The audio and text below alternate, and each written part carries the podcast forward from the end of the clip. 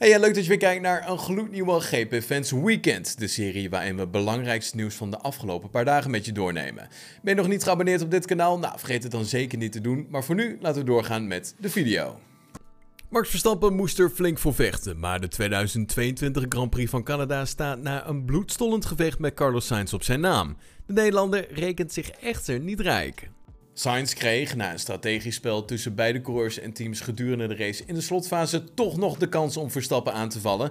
Maar goed, dichtbij kwam hij niet, waardoor Verstappen uiteindelijk de race won. Tegenover Viaplay is Verstappen na afloop van de race nog wel een beetje voorzichtig. Hij zag dat Ferrari tijdens de race over de betere auto beschikte.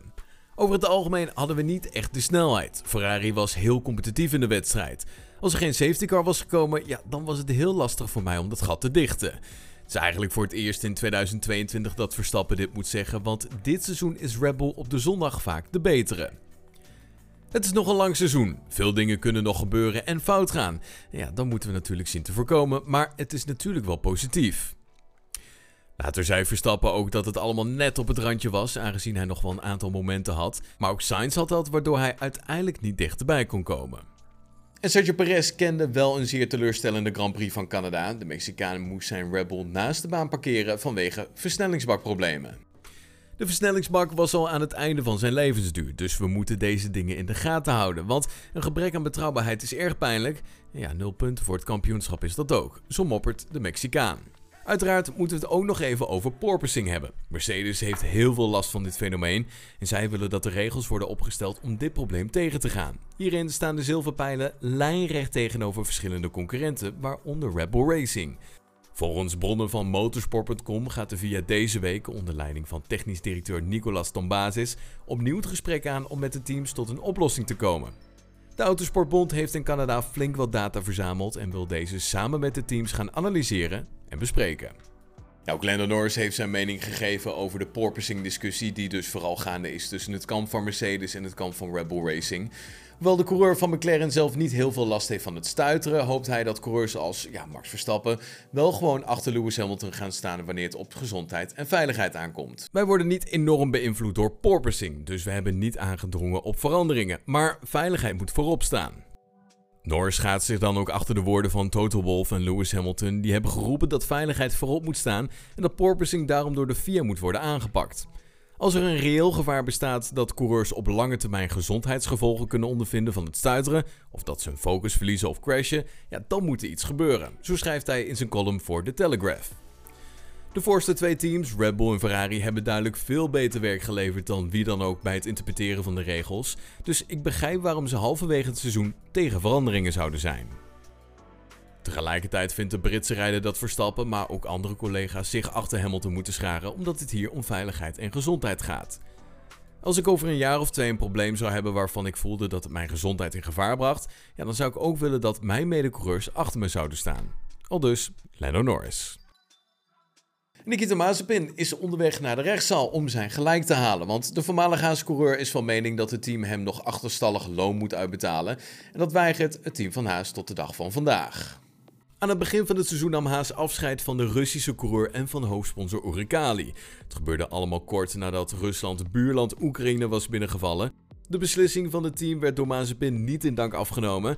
Echter, de nauwe banden tussen het bedrijf van Dimitri Mazepin, Uralkali en de Russische regering was genoeg reden voor het Amerikaanse team om de stekker uit de samenwerking te trekken. Het contract werd eenzijdig opgezegd, maar de renstal besloot het sponsorgeld te houden. Tegenover het Russische Sport RBC vertelt de voormalig teamgenoot van Mick Schumacher wat hem nu precies dwars zit. Toen het contract werd opgezegd, moest Haas mij nog achterstallig loon uitbetalen. Zij hebben nog steeds niet betaald. De 23-jarige Mazepin vindt dat zijn voormalig werkgever in ieder geval loon moet betalen tot het moment dat hij werd ontslagen. En daarnaast hint hij ook op een ontslagvergoeding. Waar ik het over heb is dat contractuele verplichtingen niet zijn nagekomen. Zo legt Mazepin uit ja, die wel heel veel vertrouwen heeft in een goed afloop in de rechtszaal.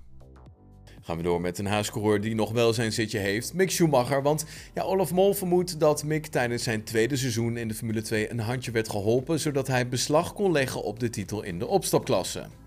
Aan tafel in het racecafé bij Ziggo Sport wordt de huidige vorm van de haascoureur besproken. In Canada viel hij uit vanwege een technisch probleem nadat hij zich wel op een knappe zesde plaats had gekwalificeerd. Een aantal van de tafelgasten vonden de uitvalbeurt sneu, maar Mol houdt er duidelijk een andere mening op na.